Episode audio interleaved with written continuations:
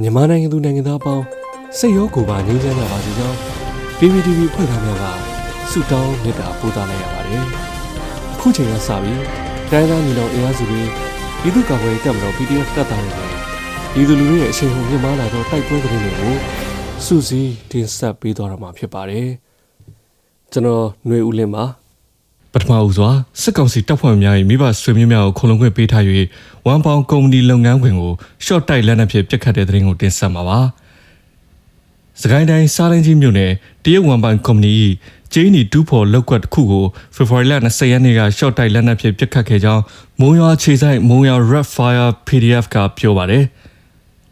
ဝမ်ပေါင်ကုမ္ပဏီကစစ်ကောင်စီတပ်ဖွဲ့၏ဇနီးဆွေမျိုးများနဲ့တားသမီးများကိုခုံလုံခွင့်ပေးထားသဖြင့်ရင်းတို့သတိပေးပစ်ခတ်တိုက်ခတ်ခဲ့ခြင်းဖြစ်ကြောင်းအထိကိရှိမရှိမသိရသေးကြောင်းမုံရွာ Red Fire PDF ကပြောဆိုပါတယ်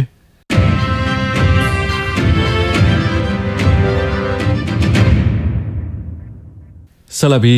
ရန်ကုန်သမိုင်းလားဆောင်စီတီမတ်ရှိရင်သိမ်းရဲကင်းတွင်ဘုံပေါက်ပြီးစစ်သား2ဦးသေဆုံးတဲ့တဲ့ရင်ကိုတင်ဆက်မှာပါ။ ရန်ကုန်သမိုင်းလန်းဆောင်စီတီမတ်ရှေရှိရင်သိမ်းရဲကင်းတွင်ယနေ့မွန်းလဲတနာရီမိနစ်30ချိန်တွင်ဘုံပေါက်ကွဲခဲ့ပြီးစစ်သား2ဦးသေဆုံးကြောင်းဒေသခံများကပြောဆိုပါတယ်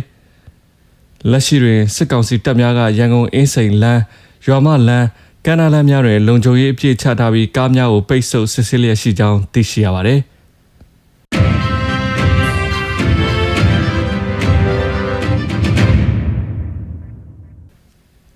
စစ်ကောင်စီခန့်စကိုင်းတိုင်းဝန်ကြီးချုပ်မြတ်ကျော်ရင်တန်းမိုင်းဆွဲတိုက်ခိုက်ခံရပြီးတချို့ထိခိုက်ဒေဆုံးမှုရှိပြီးဝန်ကြီးချုပ်မြတ်ကျော်ကိုစစ်ရဟတ်ရင်ဖြစ်ခေါ်သွားရတယ်ဆိုတဲ့သတင်းကိုတင်ဆက်မှာပါစကိုင်းတိုင်းဒေသကြီးရင်းမာပင်မြို့နယ်နှော်ယူရွာအနီးတွင်ဖေဖော်ဝါရီလ22ရက်နေ့နနက်အစောပိုင်းမင်းအောင်လိုင်ခန့်စကိုင်းတိုင်းဝန်ကြီးချုပ်မြတ်ကျော်ရင်တန်းကိုပြည်သူ့ကာကွယ်တပ်ဖွဲ့ကမိုင်းဆွဲတိုက်ခိုက်ခဲ့ကြပြီးရင်တန်းတွင်ပါလာသူအချို့ထိခိုက်ဒေဆုံးမှုရှိခဲ့ကြောင်းသိရှိရပါတယ်။ မြက်ကျော်လိုက်ပါလာသောစစ်ကောင်စီရင်နှန်းသည်ရင်းမာပေမြို့ပေါ်ရှိဖုန်ကြီးကျောင်းတစ်ကျောင်းတွင်အောက်ဆီဂျင်ဆက်ယုံဖွင့်ပွဲသို့လာရောက်ခဲ့သည့်ရင်နှန်းဖြစ်ကြောင်းမိုင်းခွဲခံရသဖြင့်ဝင်ကြီးချုပ်မြက်ကျော်ကိုစစ်ရဟတ်ရင်ဖြစ်ခေါ်ဆောင်သွားကြောင်းဆက်လက်သိရှိရပါသည်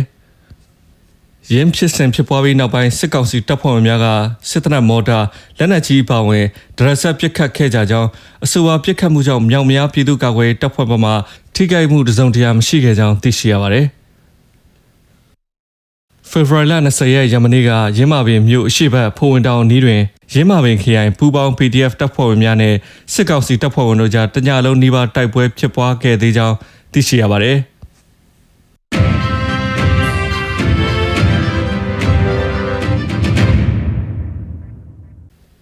နောက်ဆုံးအနေနဲ့ အမျိုးသားညီညွတ်ရေးဆိုရာပြည်ထရေးနဲ့လူမှုကြီးကြပ်ရေးဝန်ကြီးဌာနက2022ခုနှစ်ဖေဖော်ဝါရီလ22ရက်ရက်စွဲနဲ့ထုတ်ပြန်တဲ့ပြည်သူ့ခုခံတော်လှန်စစ်သတင်းချက်လက်တွေကိုတင်ဆက်ပေးသွားမှာပါ။အာဏာသိမ်းအကြမ်းဖက်စစ်အုပ်စု၏ပြည်သူလူထုပေါ်အကြမ်းဖက်ဖိနှိပ်ဖမ်းဆီးတိုက်ခိုက်တပ်ဖြတ်နေမှုများကိုပြည်သူလူထုတရက်လုံးကအသက်ရှင်တန်ရေးအတွက်မိမိကိုယ်ကိုမိမိခုခံကာကွယ်ပိုင်ခွင့်ရာပြည်သူခုခံစစ် People Defense War ကိုဆင်နွှဲလျက်ရှိပါတယ်။ သတင်းချက်လက်များအရ20ရက်2လ2022ခုနှစ်နေ့ရက်တွင်စစ်ကောင်စီတပ်ဖွဲ့ဝင်83ဦးသေဆုံးပြီးထိခိုက်ဒဏ်ရာရရှိသူ16ဦးထိခုခံတိုက်ခိုက်နိုင်ခဲ့ပါတယ်။စစ်အာဏာရှင်စနစ်မြမမြေပေါ်မှာအပိတိုင်ချုပ်ငြိမ်းရေးနဲ့ Federal Democracy စနစ်တည်ဆောက်ရေးအတွက်ငြိမ်းချမ်းစွာဆန္ဒပြသည့်လူထုတပိတ်တိုက်ပွဲများက